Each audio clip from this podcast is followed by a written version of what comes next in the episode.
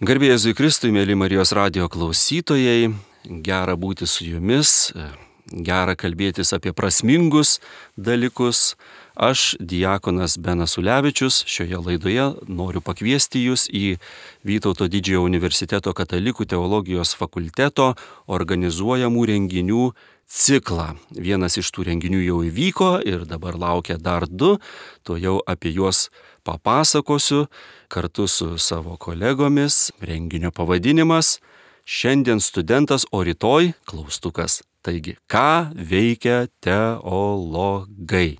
Su manimi studijoje e, nuostabios pašnekovės, e, pristatau jas Gedrė Kemiešienė, Katalikų teologijos fakulteto projektinės veiklos koordinatorė. Labas Gedrė. Sveiki.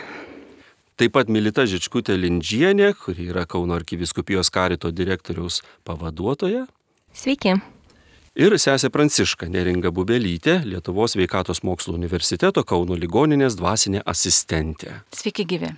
Na, labai gera e, taip susirinkti. Mes ir prieš laidą, ir po laidos taip pat diskutuotumėm ir diskutuotumėm ir kalbėtumėmės, bet čia dabar koncentruosim, mėly klausytojai, e, pačias geriausias mintis. E, pasidalinsime su jumis, ką mes galvojame apie tai, ką veikia teologai. Na, taigi, bet gal pirmiau pradėdami paklauskime Giedrės, kuri yra šio renginio architektė. E, be abejo, daug diskusijų ir kalbų, bet Giedrė viziją e, šio renginio jau seniai e, turėjo, kaip pirmiausiai taip pat Giedrės ir absolventė teologijos fakulteto, taigi pažįsti šią situaciją, ką veikia teologai ir iš vidaus, ir iš išorės, taigi pristatyk e, trumpai šio renginio konceptą, idėją. Taigi, kaip žinia, Lietuvoje turime Katalikų teologijos fakultetą, kuris ruošia būsimuosius teologus, selovados darbuotojus, pedagogus Ir mums patiems, aišku, labai įdomu stebėti, kaip susiklosto mūsų absolventų gyvenimai, kokiuose sritise jie dirba. Ir matome, kad tos sritis gali būti labai įdomios, įvairios, tokios tarpdisciplininės. Galbūt žmogus prieš tai kitą dalyką studijavo, jis atėjo į teologijos fakultetą ir jau savo esamą profesinę veiklą kažkaip naujai įkvėpė, patobulino, įnešė kažko naujo ir yra labai įdomu draugė svarstyti ką duoda teologijos studijos, kaip jos e, praturtina bažnyčią, kodėl apskritai reikia bažnyčiai teologų ir ką jie veikia. Ir galbūt gali būti, kad e, mes turim galvoje, na, galimas kelias profesijas, kad, na, baigiai teologijos fakultetą ir tu dabar dirbsi mokykloje arba gal kažkur jaunimo centre, bet kai pasižiūrėtai, tai iš tiesų tie veiklos barai, jie yra tokie gana platus ir įdomus ir norisi, na, tam tikrą profesinį kūrybingumą ugdyti ir lavinti. Ir ypač mūsų laikais, manau, bažnyčiai ypatingai reikia to kūrybingumo, tokio naujo žvilgsnio, pasižiūrėti, kaip mes galbūt naujai dalykus galim daryti, naujas prieigas, rasti celovadinės prieigas. Ir tą progą organizavom renginį ir dar vienas renginys vyks e, jau netrukus, vasario 10 dieną, į kurį iš tiesų gali ateiti visi susidomėję Tai nėra skirta vien moksleiviam, nėra skirta vien mūsų studentam. Iš renginį kviečiam galbūt ir mūsų absolventus, kurie kažkada studijavo, galbūt norėtų kažką naujo veikti su savo išsilavinimu, rasti naujų įkvėpimų. Galbūt moksleivių tėvai, kurių vaikai domisi šiomis studijomis, pasižiūrėti, kokios čia perspektyvos laukia, taip ir realistiškai kartu pamatyti. Tai iš tiesų kviečiam vasario 10 dieną atvykti į Katalikų teologijos fakultetą ir ten sustiksime su įvairių profesijų atstovais ir ne vien jų klausysimės, bet jie duos ir kūrybinės užduotis, kurias reikės atlikti ir taip truputėlį, na, pasimatuoti tos batus jų, kaip sakant, kame jie gyvena, ką jie daro, kokius konkrečius dalykus daro. O su mumis šiandien studijoje yra pašnekovės, kurios jau dalyvavo pirmajame šio ciklo renginyje. Tai mes ten pristatėme e, silovadinės ir socialinės krypties profesijas. Tai bus labai smagu išgirsti ir jų išvalgas, kokie čia tie bažnyčios poreikiai yra ir ko šiandien mums reikia. Vasario 10 dieną renginys bus skirtas mokytojo, vertėjo, sielovados programų kūrėjo, taip pat mokslininko ir dėstytojo profiliams e, ir jų sąsajoms su teologijos mokslu. Na, gal būtų labai gera pasidalinti, kas mum kiekvienam čia yra šis renginys. Kitaip tariant, ką mes girdim, kai išgirstame tą klausimą, o ką veikia teologai. Aš asmeniškai jau daugybę metų susiduriu su tokiu stereotipu, kad teologija, kadangi tai yra studijos apie krikščioniškąją, katalikiškąją pasaulyje žiūrą, be abejo ilgai trunkančios studijos ir gilios studijos, tai pretenzija dažnai e, tokia yra, kad teologas turėtų pasakyti apie visus su Dievu susijusius klausimus absoliučiai viską. Atsakyti į visus klausimus. Ir jei staiga kažko negali pasakyti apie tai, ką Dievas veikia šeštadieniais ar sekmadieniais ir kaip malonės visos rūšys veikia ir kodėl e, išgelbėjimo dinamika tokia ar kita, nes vis dėlto tai slėpiniai, tai yra tikrovės dalykas. Tai nėra multiplikacinis filmas, e, dvidimensinis nupieštas, kuris trunka pusvalandį. Tai yra gyvas gyvenimas, gyva tikrovė ir pilna slėpinių. Ir nepaisant to, kad studijuojam tą tikrovę krikščioniškų požiūrių, e, tų klausimų dažnai iškyla daugiau negu atsakymų randi, bet atsakymai duoda tam tikrą pamatą teisingai klausimus klaust, teisingai suprasti e, ribas galimybių atsakyti apskritai į tuos klausimus. Tad tas stereotipas Teologas turi žinoti viską apie Dievą ir viską apie tikėjimą, viską apie išgelbėjimą. E, labai svarbu pakeisti tą perspektyvą. Iš tikrųjų, teologas apie visus įmanomus dalykus gali pasakyti šį tą labai svarbaus. Ne apie vien Dievo klausimą viską, bet apie visas gyvenimo sritis pasakyti kažką, kas atskleis tų gyvenimo sričių ir veiklų gilesnę prasme. Ir štai kodėl yra, pavyzdžiui, gamtos teologija, mokslo teologija, socialinės veiklos teologija, įvairiausių rūšių teologijų, nes tos rytis, kitos profesijos, veiklos, politinė teologija, pavyzdžiui, jos be tikėjimo žvilgsnio, be krikščioniškos pasaulyje žiūros pamato praranda e, prasme ir dažnai virsta į kažkokių įskaičiavimų, tik tai skaičiavimus, į tam tikrą kažkokią būtinę veiklą. Tai man šis renginys, ką veikia teologai, pirmiausiai e, kviečia mąstyti apie tai, ką gerai išstudijuota, gerai suprasta, e, giliai išnagrinėta tikėjimo šviesos dimencija suteikia įvairiom mūsų veiklom. Teologijos sąlytis su daugybė įvairių profesijų ir ta jungtis nedirbtinė, bet natūrali. Taigi dabar, mielos pašnekovės, jūs esate profesionalės savo srityse ir gal galėsit trumpai pasakyti, dar patikslinti, ką jūs konkrečiai darote, e, kaip jūsų veikloje, veikime ta natūralioji jungtis su teologija, kuriai pašventėte nemažai gyvenimo metų, kaip ta jungtis pasirodo ir galbūt apskritai. Ar užtenka gal tiesiog tikėti ir, ir viskas, kas yra labai gerai, tikėti visiems gera, naudinga, bet kodėl apskritai studijuoti, kodėl giliau e, mėginti tą tikėjimą pažinti, ar tai apsimoka, ar tai verta, ar, ar, ar prasminga tame, ką jūs darote, Tai iš tikrųjų prisimenu, kad kai Giedrė pakvietė į šitą renginį, ką veikia teologai ir pakvietė pasidalinti savo patirtimi, tai pačioje pradžioje labai išsigandau ir galvoju, wow, e, kas čia dabar, ir, e, nes visą savo gyvenimą, turbūt bent jau tokį profesinį, kai manęs klausė, sakau, mano pirminis pašaukimas yra, kad aš esu socialinė darbuotoja. Ir kažkaip Dievas mane taip įdomiai vedė, kad pirmiausia atvedė į socialinį darbą, tada kažkaip leido pažinti tikėjimą, o tik vėliau atvedė į tokias teologinės studijas, kur leido dar, kaip sakant, užtvirtinti turėtus turbūt gerus moralinius, etinius pamatus, bet užtvirtinti tokiom e, stipriom e, kolonom, ne tokiais dalykais, kurie turbūt per vat, eilę metų, ne tūkstantmečius yra nekintami mums apie žmogaus svarbą, apie gyvybę, apie e, taip, kaip mes esame sukurti, ką mes esame kviečiami būti, apie mūsų tą gyvenimo tokį prasmės įveiklinimą. Tai man iš esmės toks pasiruošimas šitam renginiui, tai kažkaip taip sėdžiu ir galvoju, kad buvo prasmingas tuo, kad turbūt ne tik tai, ką žmonės ateina ir išgirsta, bet tai, kad ateiti ir pasidalinti, lygiai taip pat reikia perreflektuoti savo patirtį ir iš esmės perprasti ne tos e, dalykus.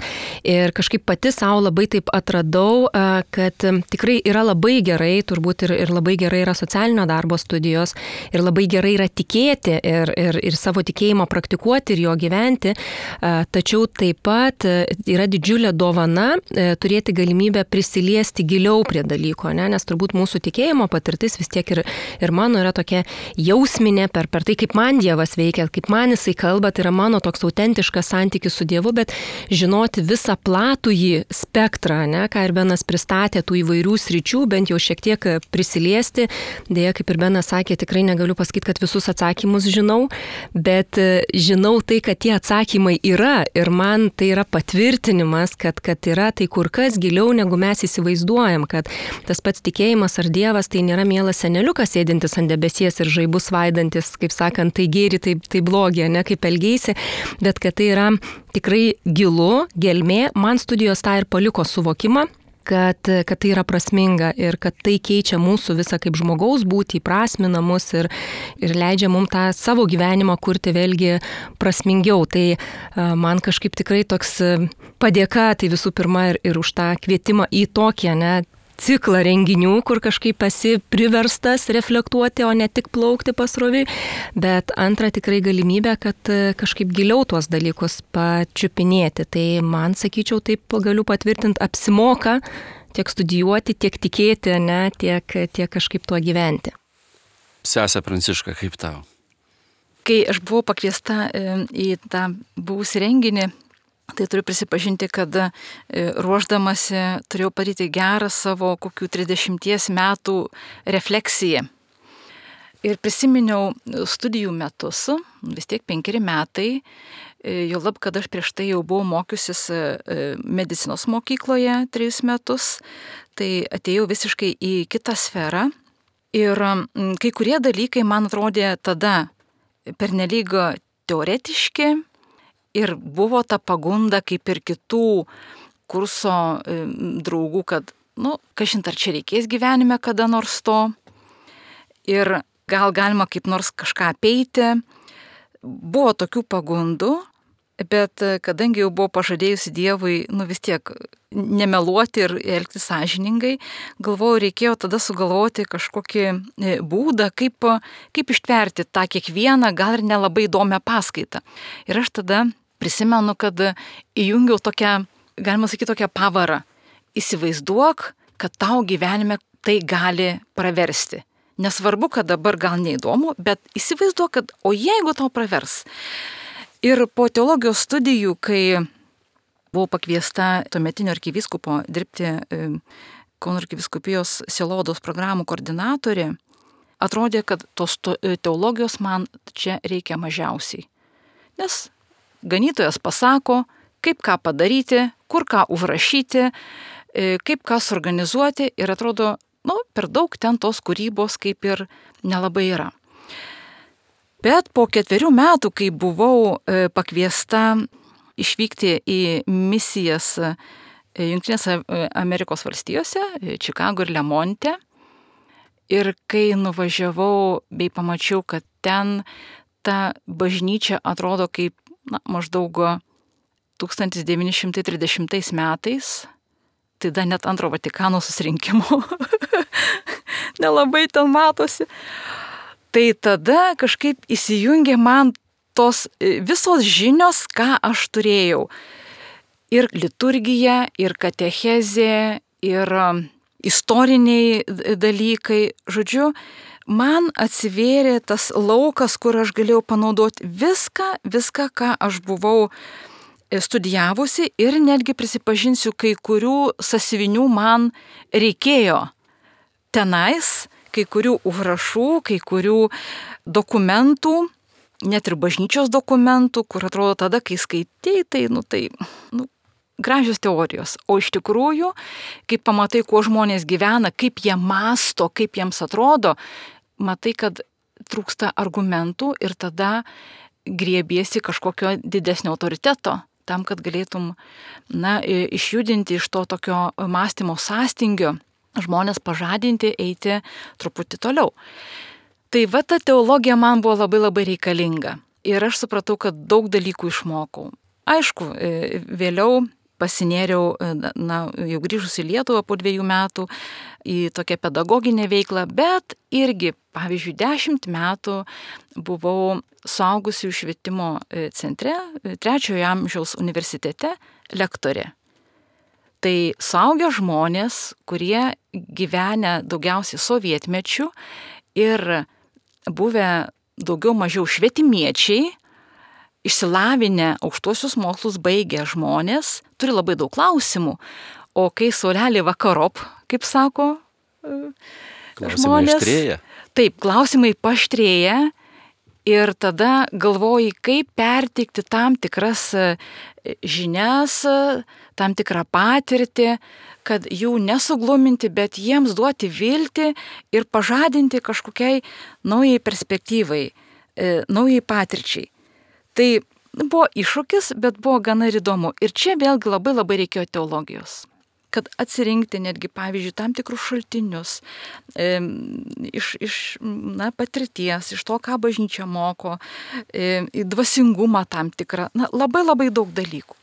Na, o e, apsisukus tokiam ketvirtadaliui, sakykime, gal gyvenimo rato, šiandien dirbu kaip dvasinė asistentė Kauno ligoninėje kur taip pat labai labai reikia teologijos, vis dėlto jos reikia, nes kenčiantys žmonės lygoje, nelaimėse atsidūrę žmonės turi labai daug klausimų, egzistencinių klausimų apie kančią, apie blogį ir mes turime kaip teologai žinoti ir tam tikras paradigmas, kurios yra teologijoje ir kaip kokią paradigmą galima, nesakyčiau, pritaikyti, bet atpažinti žmogaus jau e, tuose klausimuose, besiformuojančiame supratime apie dvasinius poreikius. Tai čia reikia tokio, na ir profesionalumo, kurio žinoma, kad galima išmokti, jeigu studijos yra pakankamos ir jas yra žiūrima rimtai ir atsakingai. Iš tiesų, mum turbūt studijavusiems teologiją sunku net įsivaizduoti, kaip sudėtinga rasti taiklius atsakymus į klausimus visai tų studijų nepalietus. Mes jau esame pamiršę, kas tai yra ir tos žinios yra labai svarbios, e, jeigu jos pateikiamos, nu, iš tikrųjų, tai metodiškai, mes išmokstame metodiškai žvelgti į tą bažnyčios lobyną matom jį ne kaip vieną didžiulį tokį visetą, kuriame įkritęs kapanojas ir į kurią pusę čia mes pradedame matyti sritis, tam tikras kompetencijas tų atsakymų, žinom, kur suras tuos atsakymus, bet galbūt e, net e, kartais per daug susikoncentruojame į tai, ar tų žinių man vėliau prireiks, ar tų žinių man vėliau prireiks. Kitaip tariant, iškart ir matom vaizdelį. Mano studijų kokie nors užrašai arba skriptai arba failai sudėti atskiroje lentynoje laukia, kol man prireiks to dokumento įsitraukti ir nebūtinai gali būti net ir taip. Mes praleidome laiką intensyviai performuodami savo pačių mąstymą, nes tos paskaitos ir buvimas su kursiokais ir su dėstytojais Tai yra tokia e, rekolekcijų kelionė, rekolekcijų, kuriuose tu dirbi, diskutuoji, tavo paties mąstymo sankloda, sąranga keičiasi, gauni failų perfragmentavimą ir po tokios e, savirefleksijos, nes visi tie klausimai ir apie save reflektuoji, apie tikrovę reflektuoji, apie Dievą ir dar jei pajėgi melstis tuo pačiu, tu jau išeini kitoks. Ir man atrodo, ne taip ir svarbu, ar paskui ten atsiverti, neatsiverti kažką, tu gali nerti tiesiai į veiklą, ar socialinę veiklą, karitatyvinę, politinę, kitokią, kokią nors. Ir tas pamatas įgytas tos refleksijos intensyvios tų metų, net jeigu ir praleista mažiau, trumpiau, vis tiek jis jau veikia, jis yra užsivedęs ir neleidžia tau kaip aklam kačiukui tik tais rinktis galimybės arba svarstyti grinai užsklestoj tokioj būtiškoj visatoj, bet, bet e, tikrai su visai kitokiu prasmės pamatu savo veiklą daryti, galbūt taip. Iš tikrųjų, tai norėčiau ir akcentuoti, kad na, žmonės galvoja, jog baigti universitetą reiškia įgyti profesiją. Iš karto, na, kad universitetas yra tam tikro aukštesnio lygio profesijos kalvė. Bet pirmiausiai tokios studijos formuoja mąstymą. Ir teologijos studijos, sakyčiau, formuoja ne tik mąstymą, nes aišku, kaip žmogus masto, taip jis ir tiki. Tačiau formuoja ir vertybės. Ir ne tik jas formuoja, bet jas išgrynina. Leidžia tas vertybės įprasminti tokiam globalesniam kontekste, sakyčiau. Taip, kas man gali būti vertinga, tai yra viena, bet kaip tas mano vertybės pajungti didesniam gėriui ir jeigu tikrai e, turiu tą tikėjimo patirtį, tai pajungti, na, tikėjimo perspektyvai, Dievo karalystės kūrimui, va čia jau reikia ir laisvės, ir tokios išvalgos, sakyčiau, ir žinių, ir mąstymo, ir kūrybingumo, čia reikia visko. Ir užtat reikia to tokio pilno, pilno žmogaus, na, tokio erudito, kuris, na, būtų ir teoriškai, ir praktiškai, ir per savo asmenę prizmę pasiruošęs. Aš gal irgi čia tik tai galėčiau pritarti tam ir galvoju per vieną tokį konkretų pavyzdį, kas man iš esmės turbūt yra pagrindas karitatyvinė ir socialiniai veikloj.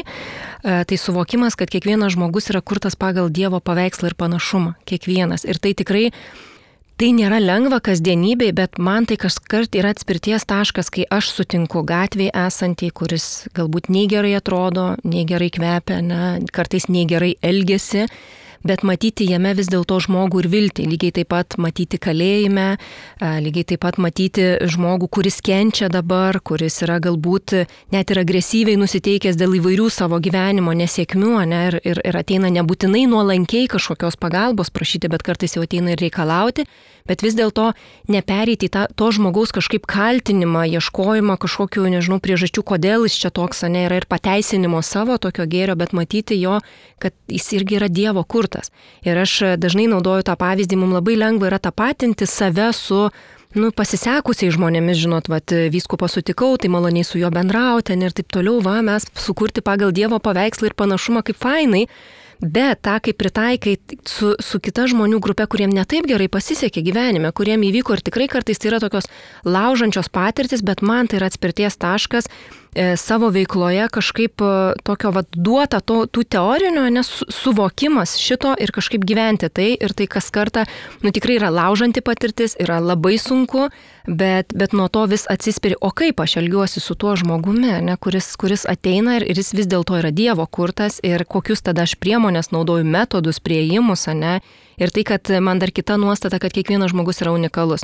Nes turbūt tiek socialiniai veikloje, tiek visur mes žmonės išmokstam schemomis, tam tikrais algoritmais, ne, ai, nu čia situacija panaši, bus taip ir taip ir jau žinom baigti ir, ir su savo patarimais visais ir kaip čia galėtų būti ir taip toliau iš savo perspektyvos, iš savo batų mes esam labai protingi.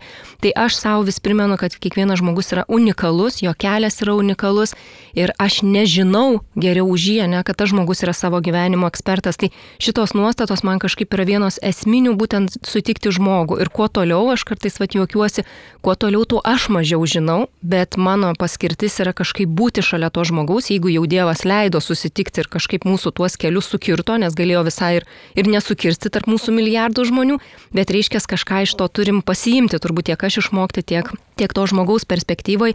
Tai man atrodo tikrai vat pritarčiau tam, kad tai, ką duoda, ne, studijos suformuoja tą tavo pasaulyje žiūrą, ypač vertybinės tokias nuostatas ir kad aš žinau, kad už mano šitos vertybinės nuostatos nėra tik mano įsitikinimas, kad tam yra tikrai visa gelmė mus atsukant iki pat laikų pradžios. Ne, kad, kad tai yra, aš negaliu gal paaiškinti visų teoriškai dalykų protingai, bet aš patyriau, kad tai atsakymai yra ir tai mane palaiko. Man dar labai smalsu sesers Pranciškos ir Militos tokio praktinio klausimo paklausti, kokius jūs poreikius matote tose sritise, kur, kuriuose jūs šiuo metu veikiate ir kaip jūs galvojate, ar užtenka vien išsilavinimo, ar ir kažkokiu asmeniniu savybių reikia, kad galėtumėte tokį darbą dirbti. Na, kadangi aš jau dirbu ligoninėje ir šiuo metu geriausiai pažįstu šitą sferą, savo e, darbo lauką, galvodama apie silovadinius poreikius, pasitikrinu save, o kokie buvo silovadiniai poreikiai tada, kai Jėzus gyveno ir ką jisai darė. Ir kaip nebūtų keista, didžioji dalis Evangelijų mums palieka liūdėjimus apie Jėzaus e, išgydymus. Jėzus ėjo ir gydė. Bet jo tikslas buvo ne tik išgydyti žmogų, bet per išgydymą paskelbti dangaus karalystę, paskelbti gerą naujieną, duoti žmogui viltį apie platesnę, didesnę ir tolimesnę perspektyvą jo gyvenime, nežiūrint to, kas buvo iki, iki tol. Tai šiandien aš atpažįstu tą poreikį ligoninėje labai labai. Tikrai, nes Jėzus ėjo ten, kur buvo labai daug skausmo ir kančios ir šiandien, kai pagalvoju, kur yra daug skausmo ir kančios, tai už ligoninės sienų. Ten, kur mes mažiausiai būname, iš tikrųjų, kur minios neina, eina artimieji, eina sielovadininkai ir kur žmonės iš tikrųjų, iš tikrųjų jaučiasi be galo vieniši. Jie dažnai nežino, kodėl juos ištiko kančia, kodėl juos ištiko kažkokia negalė. Jie nesitikė ir niekada turbūt nesitikėjo, kad gali atsitikti taip ir dabar su manim taip yra ir taip gali būti ir ta perspektyva gali būti dar blogesnė ir skausmingesnė.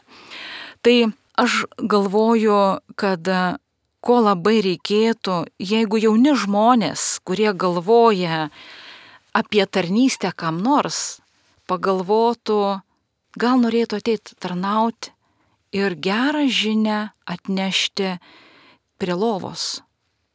Tų, kurie yra dažnai apleisti, pirmiausiai dvasiškai apleisti, kurių netgi artimieji nesupranta ir prie kurių selovadininko ne tik kartais nepakviečia, bet net neprileidžia.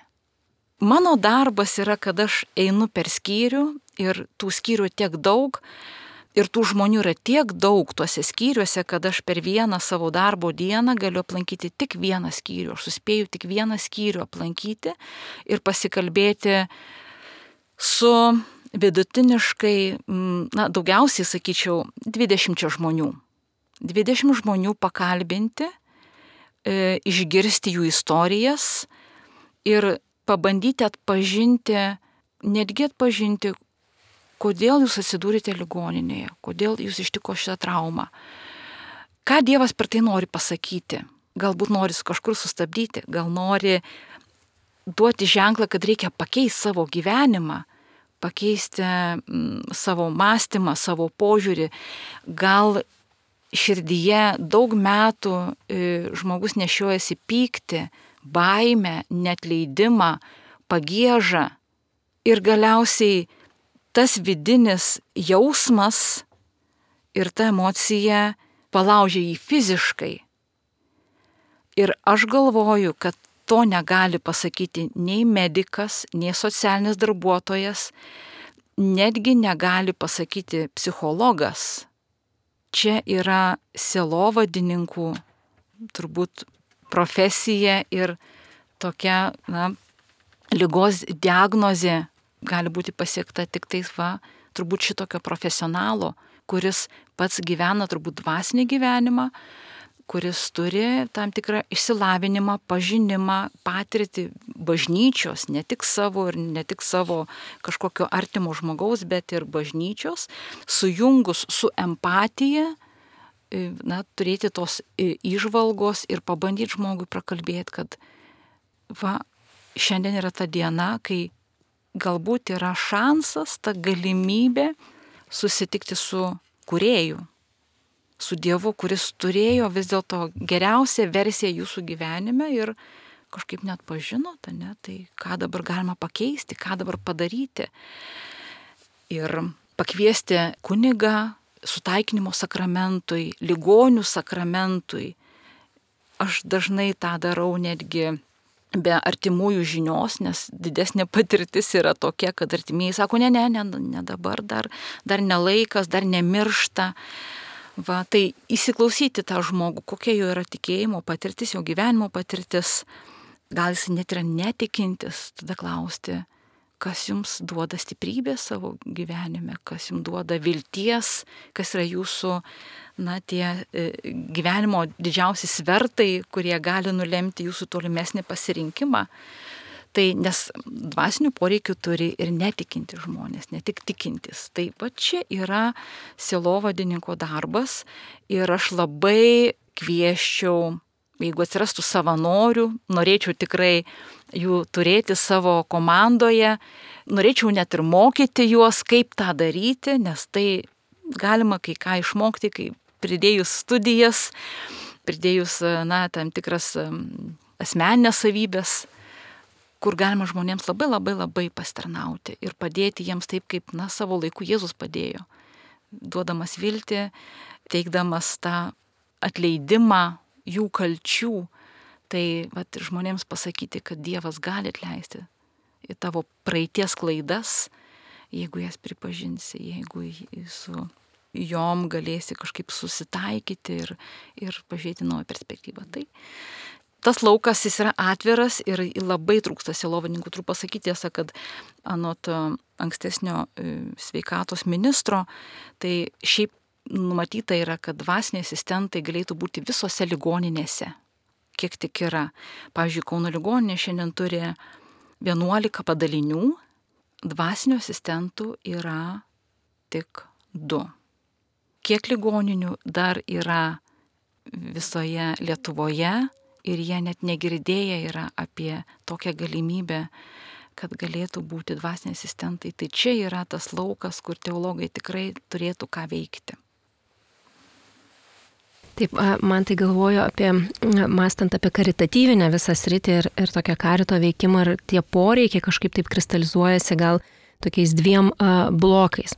Tai aišku, jeigu mes kalbėtumėm apie tą mm, profesionaliją tokią pusę, kai, kai yra vis tiek teikiamos ir tokios profesionalios paslaugos, ne, ir veikia socialiniai darbuotojai, man atrodo, čia labai svarbu prie e, to pagrindo socialinio darbo, kas yra ne, ir, ir metodai, ir, ir, ir tam tikros vis tiek gairės, kaip mes e, tą veikiam ir žinojimas, kad čia labai yra svarbu ta tikėjimo dar esančios tos tokios vertybės, ką aš ir prieš tai minėjau, tai požiūris į žmogų, prieimimas.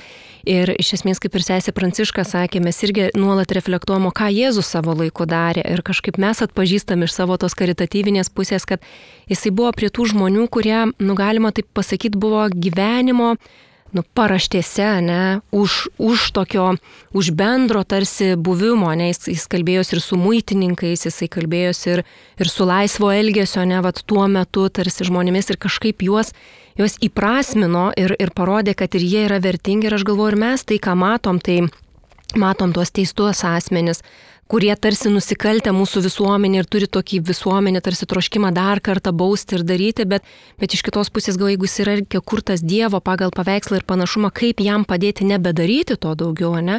Matom kitus žmonės, čia žinom migranto, ne, į įvairius dalykus, kur žmonės atvyksta ir turbūt pasaulyje taip ir bus. Tai, tai yra daug tokio, kur žmonės yra tarsi už, už tokių ribų mūsų numatytų, mums nepatogus, ne, e, kurių mes norėtumėm nematyti, ignoruoti, tarsi, kad, kad, kad jų nėra, bet bet, bet vis dėlto jie yra.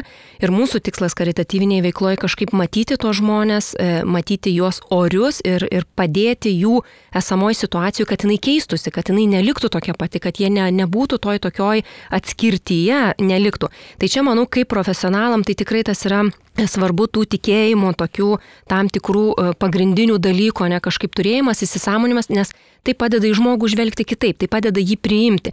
Ir kitas toks svarbus dalykas - eiti į santyki. Ne tik matyti kaip kažkokie ne dalykus, kuriuos mes turim padaryti, bet eiti į santyki, pažinti tą žmogų, kažkaip suprasti, vat, kaip, kaip ir minite, ne pastoracinius, jo poreikį, e, kas su juo vyksta. Bet galvoju, kitas labai svarbus toks irgi didžiulis blokas yra karitatyviniai tarnystai tai nebūtina turėti visą, kaip sakant, profesionalumo bagažą ir labai daug tam, kad aš galėčiau kartais prieiti prie žmogaus ir jį pakalbinti. Ne, netgi tas, kuris prašo išmaldos prie bažnyčios, tai priklauso nuo to, ar aš tiesiog pro jį praeinu, ar aš galbūt pasisveikinu ir pasižiūriu į akis jam. Ir, ir čia jau mūsų toks prieimimas ir mūsų aplinkoje ten, kur mes esam. E, žinom tikrai pagal tai, kaip e, mūsų moko bažnyčia, kad kiekvienas pakrikštytasis yra kviečiamas į gailestingumo darbų tarnystę, kad kiekvieno tai yra atsakomybė, tai nėra tik karito, kurie yra oficialūs nariai, jūs čia ir tvarkykite su visom bėdom. Deja, ne, mūsų bažnyčia sako labai nepatogiai, esam visi į tai kviečiami Ir aš sakyčiau, taip, ne visi turbūt turim pulti visų savo pajėgumų, darbo apimtimis, ne tik į tai, bet savo aplinkoje matyti kaimyną, matyti šalia esantį kenčiantį žmogų, matyti galbūt vaiką vieną vaikščiojant ir taip toliau, būti tuo atvirumu ir irgi leistis į santyki, bent ne, nepabijoti galbūt su kažko pasidalinti sriubos dubenėliu, e, kažką pakalbinti, ne, kažkaip turėti to jautrumo, nes e, panašu, kad mes einam į atitolimą vieni nuo kitų. Tai, tai tiek mūsų ir visi socialiniai tinklai mus kažkaip atrodo užtenka Facebook'e matyti mūsų, ne žmonės gerai sekas, tai ką čia beklausi, kaip čia sekas, įgi nuotraukos įdėtos, viskas gerai. E, pandemija mums padarė, kaip sakant, daug meškos paslaugų, kur, kur tapo dar patogiau atsiriboti, gal nuotolio, gal kažkaip, bet man tai atrodytų, kad yra tas poreikis grįžti. Žmogus vis dėlto yra santykio žmogus būtybė, ne? mes patys jaučiam, ką, ką reiškia palabinimas SMS, ką reiškia skambutis pakalbėjimas ir ką reiškia gyvas kontaktas.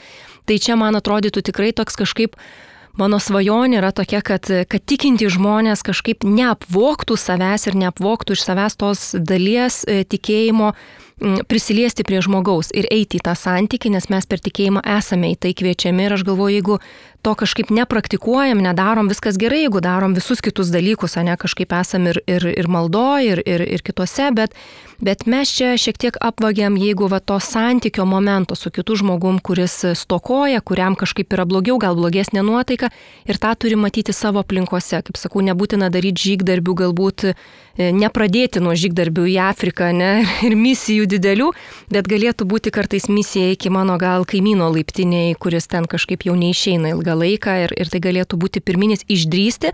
Ir aš tik galiu paliudyti, kiek aš kartų gyvenime, man irgi ne visada yra lengva išdrysti ir nesa, nesavaime suprantama, kad viskas labai paprasta, ne, ir kad kas kartą, vad kartais eini ir, ir vėl tas žmogus ten gatvėje, matai prašo išmaldos ir man irgi kartais norisi, atrodo, praeit turiu reikalų ir dabar bėdų ir kovoji kiekvieną kartą su savim, tai išdrysti, vis dėlto leistis į tą patirtinį santykį ir kiek kartų aš gyvenime esu išdrysusi, visada iš to laimėjau. Laimėjau kažkaip vidinį tą jausmą, ne tokį ir, ir pilnatvės, ir suvokimą, kad vis dėlto mes kažkaip esam žmonės vieni šalia kitų, tai, tai kažkaip tikrai, man atrodo, yra tas poreikis neapvokti savęs ir į tuos gailestingumo darbus ne pro pirštus pažiūrėti ir kad, žodžiu, jie ne, ne kažkam ten skirti, bet mum kiekvienam, kurie mes esame ir esame į tai kviečiami atverti savo širdis, suvokimą ir kažkaip praplėsti, e, praplėsti santykio e, savo ribas. Kągi mūsų laida praktiškai jau baigėsi, nors mes turim kelias minutės vienam žaiviškam klausimui.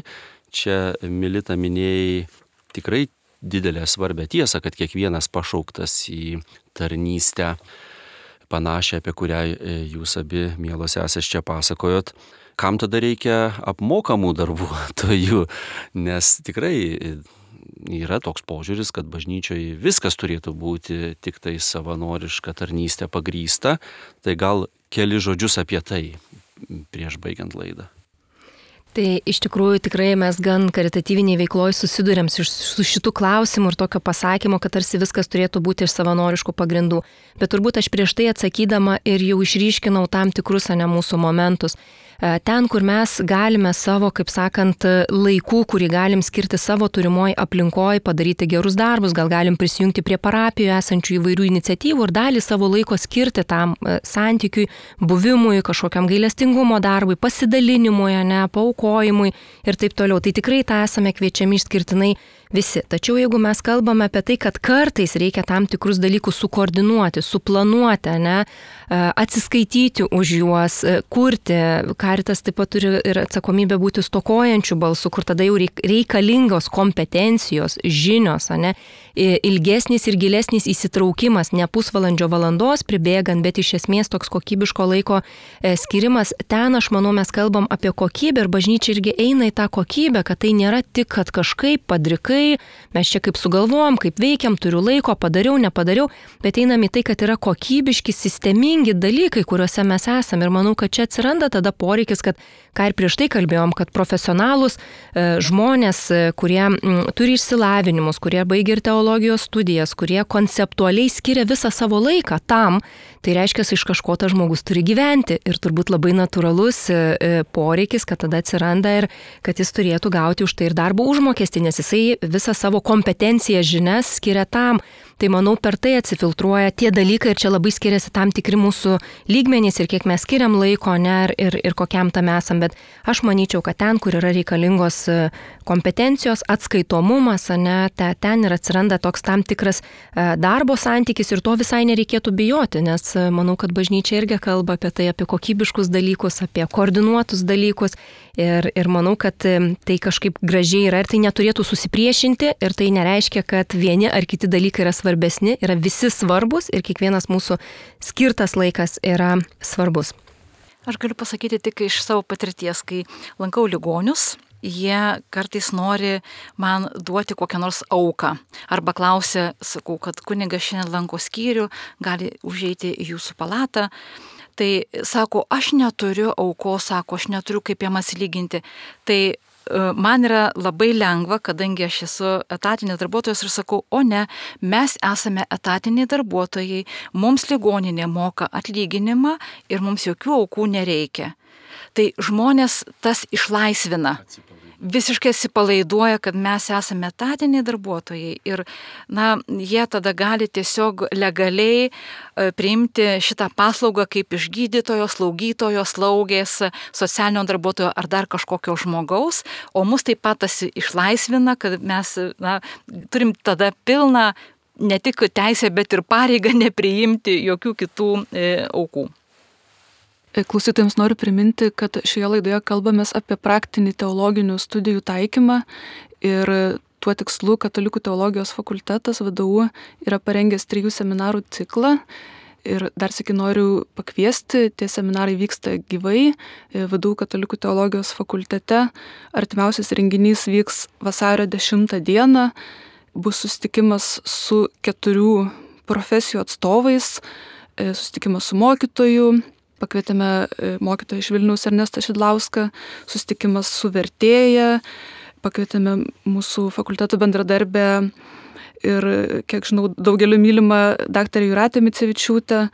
E, taip pat sustiksime su Selovados programų kurieja iš Gyvenimo ir tikėjimo instituto Vaidilę Šumskienę e, ir mokslininko ir dėstytojo profesiją pristatys mūsų taip pat šios laidos vedėjas Diekonas dr. Benas Ulevičius renginys yra nemokamas ir kviečiame visus ne tik tuos, kurie galbūt galvoja apie teologinės studijas ateityje, bet tiesiog kuriems įdomu, kągi veikia tie teologai, ką veikia žmonės pabaigę teologinės krypties studijas ir ką galima gero bažnyčioje nuveikti. E, visą informaciją apie renginį rasite Katalikų teologijos fakulteto svetainėje teologija.org pradinėme puslapyje yra šio renginio baneris ir kadangi yra reikalinga registracija, tai visus norinčius dalyvauti kviečiame užsiregistruoti ir lauksime jūsų. Ačiū Gedrė. Na, o šioje laidoje dalyvavo sesė Pranciška, Neringa Bubelytė, Lietuvos sveikatos mokslo universiteto Kauno ligoninės dvasinė asistentė.